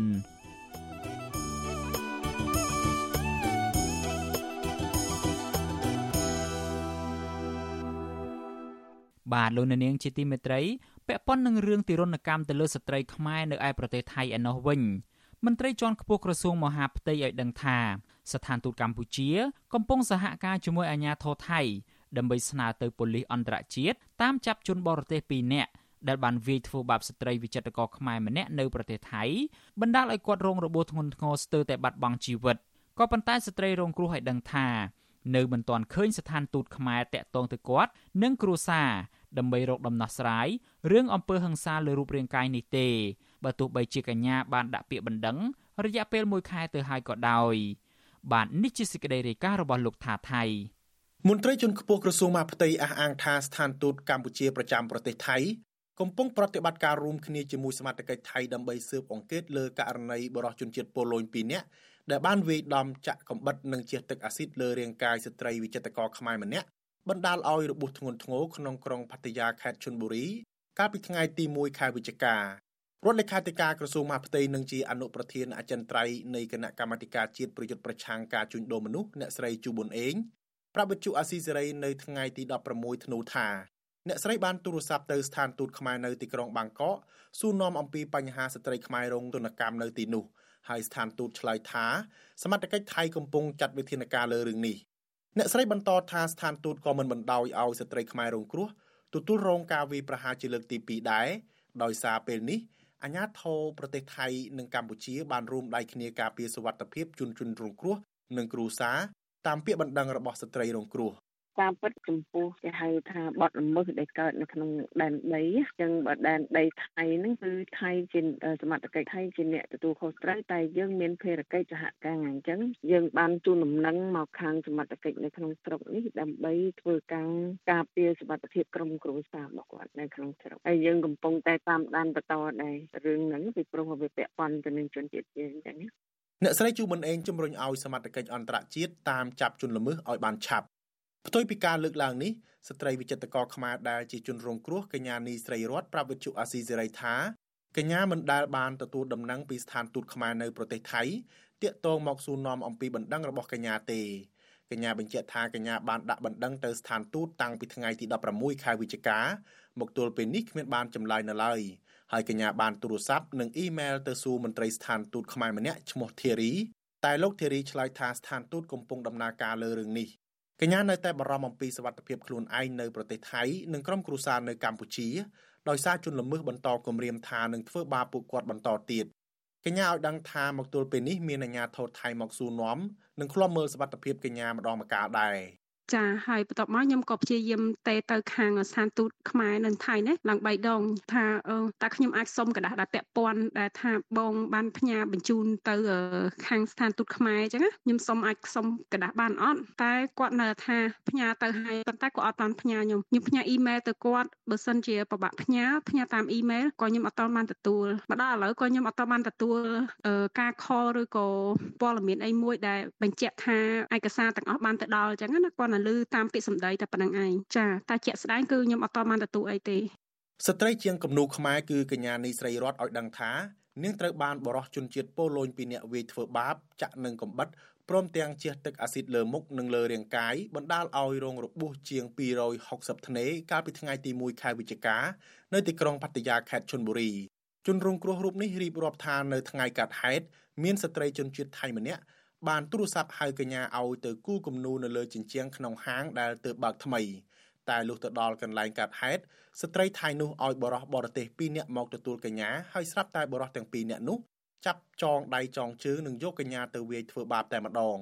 កញ្ញាអះអាងថាមិនដែលមានទំនាស់ឬស្គាល់ជនល្មើសឡើយក៏ប៉ុន្តែកញ្ញាដាក់ការសង្ស័យថាករណីនេះអាចជាការប្រច័ណ្ឌរបស់ស្ត្រីថៃម្នាក់ដែលបានបែកគ្នានឹងប្តីបរទេស ហើយចោទកញ្ញាថាជាអ្នកបំបែកបំបាក់ពួកគេក្រោយកើតហេតុកញ្ញាក៏បានប្តឹងទៅអគ្គស្នងការនគរបាលជាតិថៃនិងស្ថានទូតកម្ពុជាប្រចាំប្រទេសថៃហើយប៉ូលីសថៃកំពុងប្រតិបត្តិការលើរឿងនេះតែស្ថានទូតខ្មែរមិនទាន់មានការឆ្លើយតបនោះទេបច្ចុប្បន្ននេះកញ្ញានីស្រីរតកំពុងរស់នៅប្រទេសថៃតែម្នាក់ឯងហើយមុខរបួសក៏មិនទាន់ជាសះស្បើយដែរក៏ប៉ុន្តែកញ្ញាបានចាក់ចេញពីមន្ទីរពេទ្យទៅសម្រាប់ព្យាបាលនៅផ្ទះព្រោះខ្វះលុយបង់ឲ្យមន្ទីរពេទ្យ កញ្ញាមានស្រុកកំណើតនៅភ្នំពេញក៏ប៉ុន្តែបានទៅរស់នៅនិងធ្វើការក្នុងប្រទេសថៃជាង2ឆ្នាំទៅហើយកញ្ញាធ្លាប់សម្ដែងភាពយន្តនៅប្រទេសថៃនិងប្រទេសភូមាហើយក៏ធ្លាប់ធ្វើការងារមនុស្សធម៌ជួយដល់ពលរដ្ឋខ្មែរដែលរងគ្រោះដោយការរាតត្បាតជំងឺ Covid-19 ដោយដើរចែកពូជមាន់ចិញ្ចឹមដល់ពលរដ្ឋខ្មែរនៅតាមទីជនបទជុំវិញរឿងនេះដែរមន្ត្រីគម្រោងនៃមជ្ឈមណ្ឌលសម្ព័ន្ធភាពការងារនិងសិទ្ធិមនុស្សអង្គការសង្ត្រាល់លោកលឹងសុផុនលើកឡើងថាស្ថានទូតខ្មែរនៅប្រទេសថៃ ត្រូវតែចាត់វិធានការឲ្យបានម៉ឺងម៉ាត់ដើម្បីរកយុត្តិធម៌ដល់ស្ត្រីខ្មែររងគ្រោះលោកបន្ថែមថាជនបរទេសដែលវាដំលើរាងកាយលើពលរដ្ឋខ្មែរមិនថាពួកគេជាជនជាតិអ្វីទេគូតែរដ្ឋាភិបាលខ្មែរសហការជាមួយនឹងអាជ្ញាធរថៃស៊ើបអង្កេតឲ្យបានច្បាស់លើករណីហិង្សានេះ ទៅតែតាមចាប់តាមមកយកមកសួរចម្លើយឲ្យបានច្បាស់លាស់អញ្ចឹងណាមិនមានករណីអញ្ចឹងចឹងកើតឡើងហើយយើងមិនស្វែងយល់យើងមិនស្វែងរកយើងមិនស៊ើបសង្កេតមើលចាត់ទុកថាដូចជាមិនជួយមិនអីសោះក៏វាមិនកើតដែរព្រោះយើងជាចិត្តសាសមួយដែរកាសែតថៃបានចុះផ្សាយថាប៉ូលីសថៃបានចេញលិខិតនៅថ្ងៃទី10ខែវិច្ឆិកាដើម្បីតាមចាប់ខ្លួនបរិសុជនជាតិប៉ូឡូញទាំងពីរនាក់ម្នាក់ឈ្មោះ Daniel Machuski និងម្នាក់ទៀតឈ្មោះ Matthew Petkrinik ជនបរទេសទាំងពីរនាក់នោះគឺម្នាក់មានអាយុ35ឆ្នាំនិងម្នាក់ទៀតអាយុ40ឆ្នាំនឹងត្រូវបានអាជ្ញាធរថៃចោទប្រកាន់ពីបទរួមគំនិតធ្វើបាបជនដទៃដោយមានគម្រោងទុកជាមុនរហូតធ្វើឲ្យជនរងគ្រោះរបួសធ្ងន់ធ្ងរស្ទើរបាត់បង់ជីវិតនិងធ្វើទរណកម្មលើរាងកាយដោយខុសច្បាប់កាសែតថៃផ្សាយថាបច្ចុប្បន្នជនដៃដល់ទាំងពីរនាក់នោះបានរត់ចេញពីប្រទេសថៃកាលពីថ្ងៃទី3ខែវិច្ឆិកាក្រោយធ្វើទរណកម្មលើស្ត្រីខ្មែរហើយពេលនេះ ពួកគេកំពុងលាក់ខ្លួននៅក្នុងប្រទេសហ្វីលីពីនខ្ញុំថាថៃពីទីក្រុងមែលប៊នបាទលោកនាងជាទីមេត្រីជុំវិញរឿងសេដ្ឋកិច្ចនិងការអភិវឌ្ឍឯនេះវិញធនាគារអភិវឌ្ឍអាស៊ីហៅកាត់ថា ADB បានផ្ដល់មូលនិធិចំនួន73លានដុល្លារបន្ថែមទៀតដល់រដ្ឋាភិបាលកម្ពុជាដើម្បីចូលរួមចំណែកក្នុងការអភិវឌ្ឍវិស័យធម្មពលកម្មវិធីអភិវឌ្ឍសម្រាប់អន្តរកម្មធម្មពលនេះ រួមមានកញ្ចប់កំណែទម្រង់គោលនយោបាយដ៏ទូលំទូលាយរបស់ ADB សម្រាប់វិស័យធម្មពលនៅកម្ពុជា ដែលនឹងត្រូវផ្ដល់ហិរញ្ញប្បទានដោយប្រាក់កម្ចីចំនួន40លានដុល្លារពីធនាគារអភិវឌ្ឍអាស៊ី ADB និងប្រាក់កម្ចីចំនួន10លានដុល្លារផ្សេងទៀតពីមូលនិធិហេដ្ឋារចនាសម្ព័ន្ធអាស៊ាន ដែលជាផ្នែកមួយនៃហិរញ្ញវត្ថុកាតាលីករបៃតងអាស៊ាន ADB ឲ្យដឹងទៀតថាសម្រាប់ការវិនិយោគលើហេដ្ឋារចនាសម្ព័ន្ធចំនួនទឹកប្រាក់23លានដុល្លារនោះ រួមមានកម្មវិធីបង្កើនធម្មពលកកើតឡើងវិញ ដែលជាមូលនិធិវិនិយោគអាកាសធាតុនិងផ្ដល់ប្រាក់កម្ចីចំនួន6លានដុល្លារនិងជំនួយជាប្រាក់5លានដុល្លារដែលជាហិរញ្ញប្បទានអាកាសធាតុចំណែកមូលនិធិអាកាសធាតុបៃតងនឹងបន្ថែមប្រាក់កម្ចីចំនួន12លានដុល្លារតាមរយៈកម្មវិធីស្ដារឡើងវិញនៃហិរញ្ញវត្ថុកាតាលីករបៃតងអាស៊ានថវិកាទាំងអស់នេះនឹងគ្រប់គ្រងដោយធនាគារអភិវឌ្ឍអាស៊ី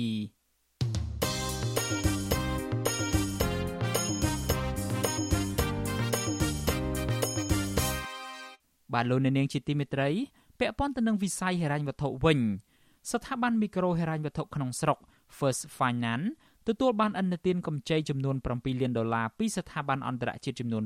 2ដើម្បីផ្ដល់ហិរញ្ញប្បទានលំនៅឋានសមរម្យដល់ក្រុមគ្រួសារដែលមានចំណូលទាបនិងមធ្យមស្ថាប័នទាំងពីរនោះគឺក្រុមហ៊ុន Gorenco ដែលជាសមាជិករបស់ក្រុមហ៊ុនអភិវឌ្ឍហេដ្ឋារចនាសម្ព័ន្ធឯកជន ដែលមានទីស្នាក់ការធំនៅក្នុងទីក្រុងឡុងនៃប្រទេសអង់គ្លេស និងស្ថាប័ន Cargill Financial Service International របស់សហរដ្ឋអាមេរិកអគ្គនាយកក្រុមហ៊ុន Gorenco លោក Le Al-Falaki បញ្ជាក់នៅក្នុងគេហទំព័ររបស់ខ្លួនកាលពីថ្ងៃទី14ខែធ្នូថាការផ្ដល់ហិរញ្ញប្បទាននេះនឹងរួមចំណែកក្នុងការផ្ដល់ហិរញ្ញប្បទានលំនៅឋានតម្លៃសមរម្យដល់គ្រួសារដែលមានប្រាក់ចំណូលទាបនិងមធ្យមនៅក្នុងប្រទេសកម្ពុជាលោកបញ្ជាក់ថាក្រុមហ៊ុន Garenco នឹងពង្រីកទំហំកម្ចីរបស់ខ្លួន ឲ្យដល់22លានដុល្លារនៅក្នុងរយៈពេល2ឆ្នាំលោកបន្តទៀតថានេះគឺជាការផ្ដល់ប្រាក់កម្ចីសង្គមលើកដំបូងនៅក្នុងប្រទេសកម្ពុជា ដោយសារស្ថាប័នមីក្រូហិរញ្ញវត្ថុ First Finance បដិញ្ញាថានឹងប្រើប្រាស់ប្រាក់នេះស្របទៅតាមក្របខ័ណ្ឌហិរញ្ញប្បទានសង្គមចំណែកអគ្គនាយកនៃស្ថាប័នមីក្រូហិរញ្ញវត្ថុ First Finance លោកស៊ីមសេនាជាតិលើកឡើងថា ស្ថាប័នរបស់លោក បដិញ្ញាប្រើប្រាស់កម្ចីរបស់ក្រុមហ៊ុន Garenco ដើម្បីផ្ដល់ហិរញ្ញប្បទានលំនៅឋានដែលមានតម្លៃសមរម្យជូនដល់ក្រុមគ្រួសារដែលមានចំណូលទាបនិងមធ្យមឲ្យបានប្រមាណ470គ្រួសារនៅក្នុងប្រទេសកម្ពុជា ដើម្បីបង្កើនគុណភាពនៃជីវភាពរស់នៅរបស់ពួកគាត់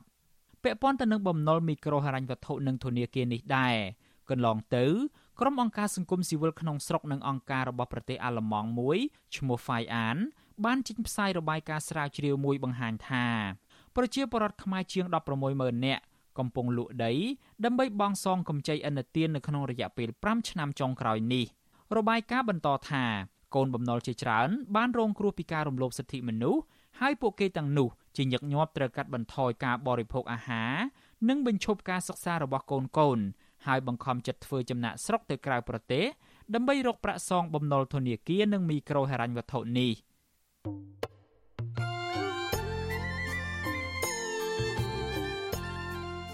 លោកអ្នកនាងជាទីមេត្រី នៅក្នុងឱកាសនេះដែរខ្ញុំបាទសូមថ្លែងអំណរគុណដល់លោកអ្នកនាងកញ្ញាទាំងអស់ដែលតែងតែមានភក្ដីភាពចំពោះការផ្សាយរបស់យើងហើយចាត់ទុកការស្ដាប់វិទ្យុអាស៊ីសេរីគឺជាផ្នែកមួយនៃសកម្មភាពប្រចាំថ្ងៃរបស់លោកអ្នកនាងគឺការគ្រប់គ្រងរបស់លោកអ្នកនាងនេះហើយដែលធ្វើឲ្យយើងខ្ញុំមានទឹកចិត្តកាន់តែខ្លាំងក្លាថែមទៀត នៅក្នុងការស្វែងរកនិងផ្តល់ព័ត៌មានជូនលោកអ្នកនាង មានអ្នកស្ដាប់អ្នកទស្សនាកាន់តែច្រើនកាន់តែធ្វើឲ្យយើងខ្ញុំមានភាពស្វាហាប់មោះមុតជាបន្តទៅទៀតយើងខ្ញុំសូមអរគុណទុកជាមុនហើយសូមអញ្ជើញលោកអ្នកនាងកញ្ញាទាំងអស់ចូលរួមជំរុញឲ្យសកម្មភាពផ្តល់ព័ត៌មានយើងនេះកាន់តែជោគជ័យបន្ថែមទៀតលោកអ្នកនាងអាចជួយយើងខ្ញុំបានដោយគ្រាន់តែចុចចែករំលែកឬមួយក៏ Share ការផ្សាយរបស់យើង នៅលើបណ្ដាញសង្គម Facebook និង YouTube ទៅកាន់មិត្តភ័ក្តិ ដើម្បីឲ្យការផ្សាយរបស់យើងបានទៅដល់មនុស្សកាន់តែច្រើន បាទសូមអរគុណ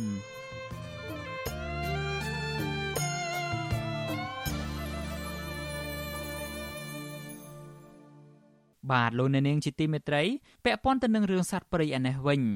ក្រសួងបរិស្ថាន បានរកឃើញសត្វឆ្លុះយក្សដែលជិតផុតពូជនៅក្នុងតំបន់ការពារធម្មជាតិនៅក្នុងខេត្តរតនគិរី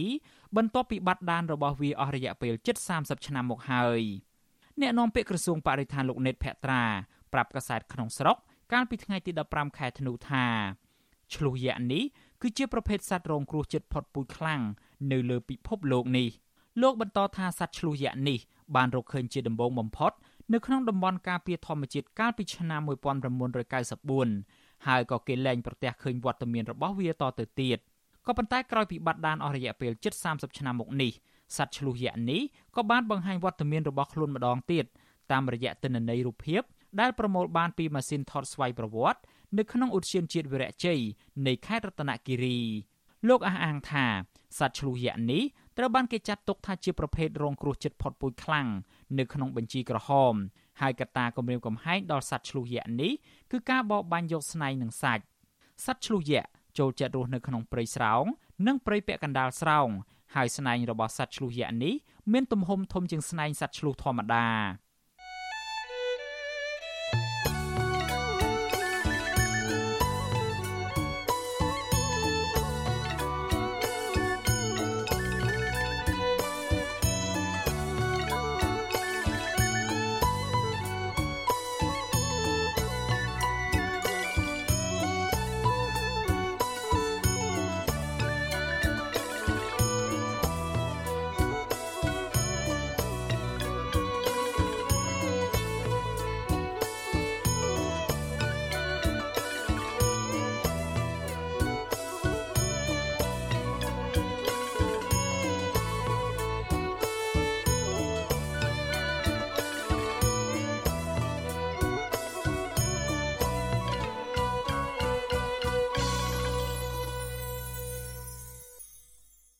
នកនាងជាទីមេត្រីប្រជានេសាទជាច្រើនគ្រួសារព្រួយបារម្ភបាត់បង់មុខរបររបស់ពួកគាត់និងទីកន្លែងដាំបន្លែបង្ការនៅតាមបណ្ដោយច្រាំងទន្លេមេគង្គបន្ទាប់ពីក្រុមហ៊ុនរបស់អង្គការខុនសៀ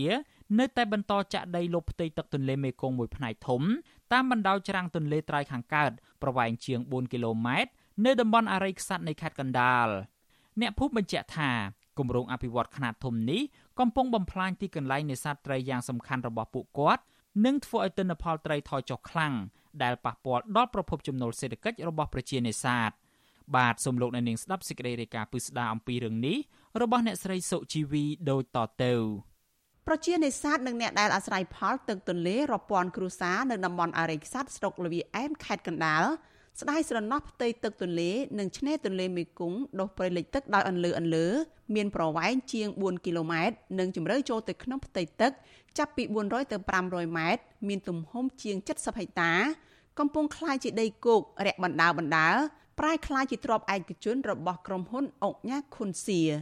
អ្នកភូមិថាគម្រោងអភិវឌ្ឍខ្នាតធំនេះកំពុងបំផ្លាញសុភមង្គលរបស់ពលរដ្ឋដែលមានមុខរបរជាអ្នកនេសាទត្រីជាច្រើនគ្រួសារដោយបាត់បង់ទីកន្លែងនេសាទប្រជានេសាទរស់នៅភូមិពោធំឃុំអរិយខ្សាត់លោកមុតសាវីប្រាប់វិទ្យុអាស៊ីសេរីកាលពីថ្ងៃទី15ខែធ្នូថា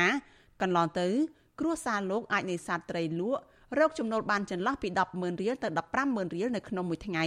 ប៉ុន្តែក្រោយពីក្រុមហ៊ុនចាក់ខ្សាច់លុបទន្លេជាង1ឆ្នាំកន្លងមកពួកគាត់បានបាត់បង់មុខរបរនេះទាំងស្រុងរីឯច្រាំងទន្លេមេគង្គដែលពលរដ្ឋតែងតែដាំបន្លែបង្ការលក់និងផ្គត់ផ្គង់ការហូបចុកប្រចាំថ្ងៃក៏បាត់បង់ទាំងស្រុងដែរ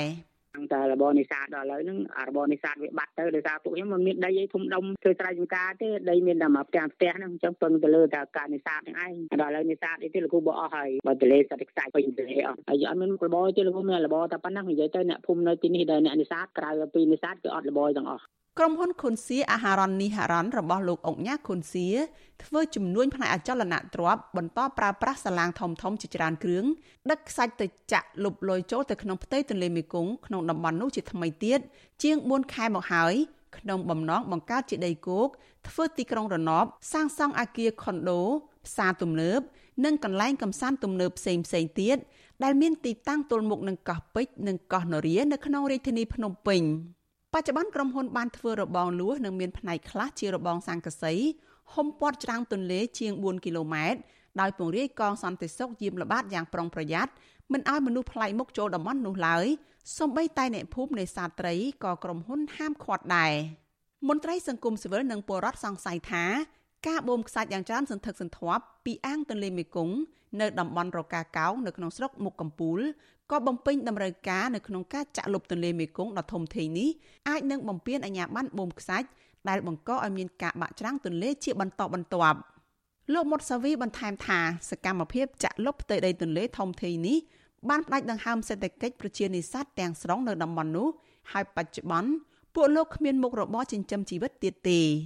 រីឯកម្មករក្រុមហ៊ុនបានដាក់សម្ពាធឲ្យអ្នកភូមិ លក់ដីថោកថោកឲ្យខ្លួនដើម្បីពង្រីកផ្ទៃដីអភិវឌ្ឍហើយអ្នកភូមិខ្លះទៀតបង្ខំចិត្តលក់ដីព្រោះតែភ័យខ្លាចគេរឹបអូសដីទាំងស្រុងដោយគ្មានសំណងលោកថាក្រោយពីបាត់បង់មុខរបរនេសាទត្រីអ្នកភូមិមានជីវភាពធ្លាក់ដុនដាបយ៉ាងខ្លាំងហើយកំពុងពិបាកដើររកការងារផ្សេងជំនួសចំណែកឯតំណាងក្រុមហ៊ុនក៏ធ្លាប់ចុះជួបអ្នកភូមិដោយអនុញ្ញាតឲ្យពួកលោកសនំពរជំវិញគម្រោងអភិវឌ្ឍនេះប៉ុន្តែគ្មានបានផលនោះឡើយ។ លុបខ្សាច់ទលេនោះដូចផ្ដាច់ជីវិតពួកខ្ញុំអ្នកនេសាទដែរលោកគ្របនេសាទយើងអាចរកបានក្នុងមួយថ្ងៃជាការ4 10ម៉ឺននេះដែរលោកគ្រូហើយយប់ទៅយើងរកបាន3 4ម៉ឺននេះទៀតយើងស្ទើរយើងនេសាទវាអត់ហូបដែរលោកគ្រូដល់តាំងពីចាក់ខ្សាច់មកពួកខ្ញុំអ្នកនេសាទនៅទីនេះក៏បាត់បង់ទាំងអស់អត់មានអ្នកណាមួយនៅនេសាទទៀតទេវិទ្យុអាស៊ីសេរីនៅមិនទាន់អាចសុំការបំភ្លឺរឿងនេះពីអ្នកនាំពាក្យរដ្ឋាភិបាលលោកផៃសិផានអ្នកនាំពាក្យក្រសួងបរិស្ថានលោកនេតភក្ត្រា និងអ្នកនាំពាក្យក្រសួងធនធានទឹកលោកច័ន្ទយុធាបាននៅឡើយទេ កាលពីថ្ងៃទី15ខែធ្នូចំណែកអង្គការខុនសៀនិងអភិបាលខេត្តកណ្ដាលលោកគង់សុភ័ណ្ឌក៏វិទ្យុអាស៊ីសេរីមិនអាចសុំការបំភ្លឺបានដែរព្រោះហៅទូរស័ព្ទចូលច្រើនដង តែគ្មានអ្នកលើករីឯជំនួយការរបស់អង្គការខុនសៀគឺលោកសេងផេងវិញលោកធ្លាប់ផ្ដល់បទសម្ភាសឲ្យកសែតក្នុងស្រុកថាក្រុមហ៊ុនគ្រាន់តែចាក់ថ្មដើម្បីលុបច្រាំងពុំមែនចាក់ដីលុបទន្លេនោះទេ ហើយនៅពេលសាងសង់ច្រាំងទន្លេរួចរាល់ក្រុមហ៊ុននឹងចាប់ផ្ដើមអភិវឌ្ឍគម្រោងតែម្ដង។លោកថាក្រុមហ៊ុនបានសហការជាមួយអ្នកជំនាញបរទេសលើការរចនាប្លង់មេរបស់គម្រោងនេះយុវជនម្នាក់ដែលចុះអង្កេតគម្រោងអភិវឌ្ឍនេះព្យាករថាទិន្នផលត្រីនៅក្នុងអាងទន្លេមេគង្គនិងទន្លេសាបនឹងបន្តធ្លាក់ចុះនៅក្នុងល្បឿនដ៏គួរឲ្យព្រួយបារម្ភហើយចរន្តលំហូរទឹកបែបធម្មជាតិអាចនឹងប្រែប្រួលបណ្ដាលឲ្យលេចផ្នែកខ្លះនៃទីក្រុងភ្នំពេញនៅរដូវវស្សា ប្រធានផ្នែកកម្មវិធីស្រាវជ្រាវនិងតស៊ូមតិនៃសមាគមបណ្ដាញយុវជនកម្ពុជាលោកហេងកឹមហុងមើលឃើញថាការអភិវឌ្ឍមិនគួរលុបច្រាំងទន្លេ និងចាក់ដីលុបទឹកទន្លេមេគង្គឡើយព្រោះមិនបានផ្ដល់ផលចម្រើនទៅដល់សង្គមជាតិនោះទេផ្ទុយទៅវិញនឹងបង្កឧបសគ្គរាំងស្ទះទៅដល់ការវិវត្តបែបធម្មជាតិនៃទន្លេ និងជីវសាស្ត្រចម្រុះលោកផ្ដល់ទស្សនៈថារដ្ឋាភិបាលគួរតែបង្វែរគម្រោងអភិវឌ្ឍនេះទៅតំបន់ផ្សេងវិញ។ ការរៀបចំទីក្រុងគួរតែរៀបចំឡើងនៅក្នុងគោលបំណងមួយដើម្បី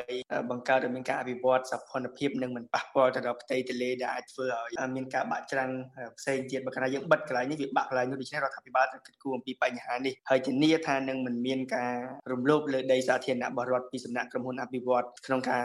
យកយកផលយកផលប្រយោជន៍រួមរបស់សហគមន៍របស់របស់រដ្ឋរបស់អីនេះចំណែកនាយកប្រតិបត្តិអង្គការបណ្ដាញការពារទន្លេ3លោកលៀងប៊ុនលៀបបញ្យល់ថា សង្វាក់ខ្សែទឹកហូរនៅទន្លេមេគង្គបត់បែនតាមធរណីមាត្ររបស់ទន្លេហើយចរន្តទឹកហូរបែបធម្មជាតិអំណោយផលគបប្រសើរដល់ត្រីទឹកសាបចិញ្ចឹមជីវិតហេតុនេះប្រសិនបើទីនោះកើតមានចរន្តទឹកប្រែប្រួលនឹងប៉ះពាល់ទៅដល់ការចិញ្ចឹមជីវិតរបស់ត្រីជាច្រើនប្រភេទលោកបញ្ជាក់ថាមកដល់ពេលនេះលោកមិនទាន់ឃើញស្ថាប័នជំនាញរបស់រដ្ឋាភិបាលបង្ហាញរបាយការណ៍វាយតម្លៃផលប៉ះពាល់នៃការចាក់ដីលុបទន្លេនេះជាសាធារណៈនៅឡើយទេ វាបណ្ដាលឲ្យត្រីហ្នឹងវាកន្លែងរស៊ីវាគឺប្រែប្រួលពីព្រោះត្រីរស៊ីខាងព្រៃក្រោមផ្ទៃលើហើយនឹងផ្ទៃកដាលដល់ពេលទឹកហូរទឹកមិនហូរហ្នឹងគឺពាក់ព័ន្ធនឹងពពួកត្រីមួយចំនួនដែលវាទៅរស់នៅនឹងទឹកហូរទឹកមិនហូរហើយស្លែទៀតសោតហ្នឹងក៏ជាចំណីត្រីក្បែរសពយ៉ាងហ្នឹងអញ្ចឹងរឿងអស់នឹងឯងគឺវាត្រូវតែពាក់ព័ន្ធ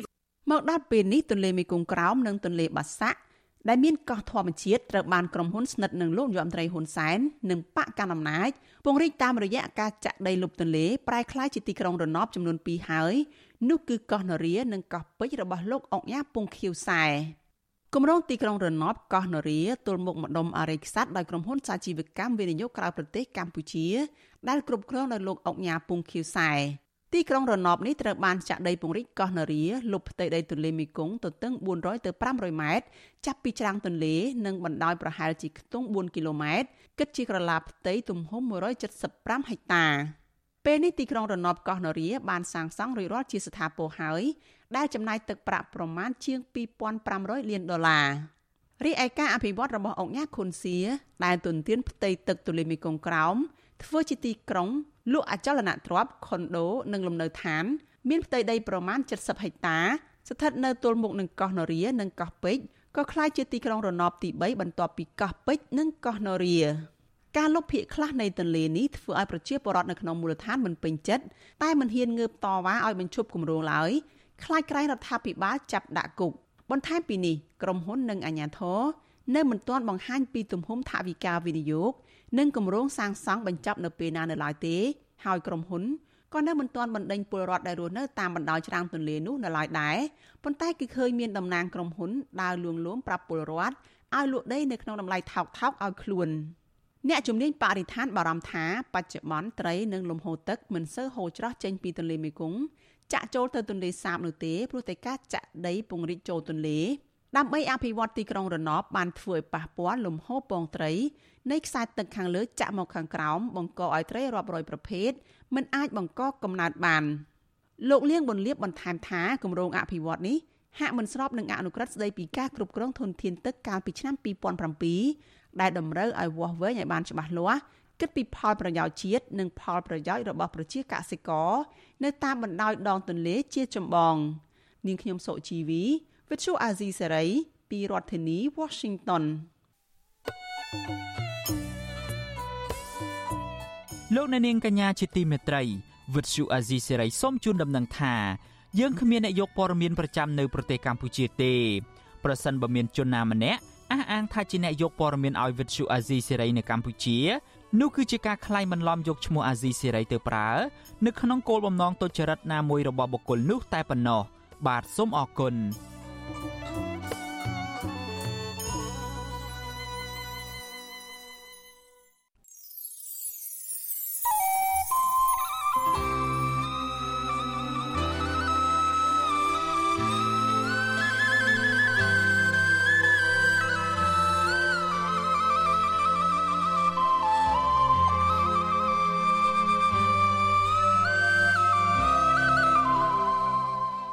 លោកអ្នកនាងជាទីមេត្រីការផ្សាយរយៈពេល1ម៉ោងរបស់វិទ្យុអាស៊ីសេរីនៅព្រឹកនេះចប់ត្រឹមតែប៉ុណ្ណេះយើងខ្ញុំសូមជូនពរដល់លោកអ្នកនាងព្រមទាំងក្រុមគ្រួសារទាំងអស់ឲ្យជួបប្រកបតែនឹងសេចក្តីសុខចម្រើនរុងរឿងកុំបីឃ្លៀងឃ្លាតឡើយខ្ញុំបាទយ៉ងច័ន្ទដារាព្រមទាំងក្រុមការងារទាំងអស់នៃវិទ្យុអាស៊ីសេរីសូមអរគុណនិងសូមជម្រាបលា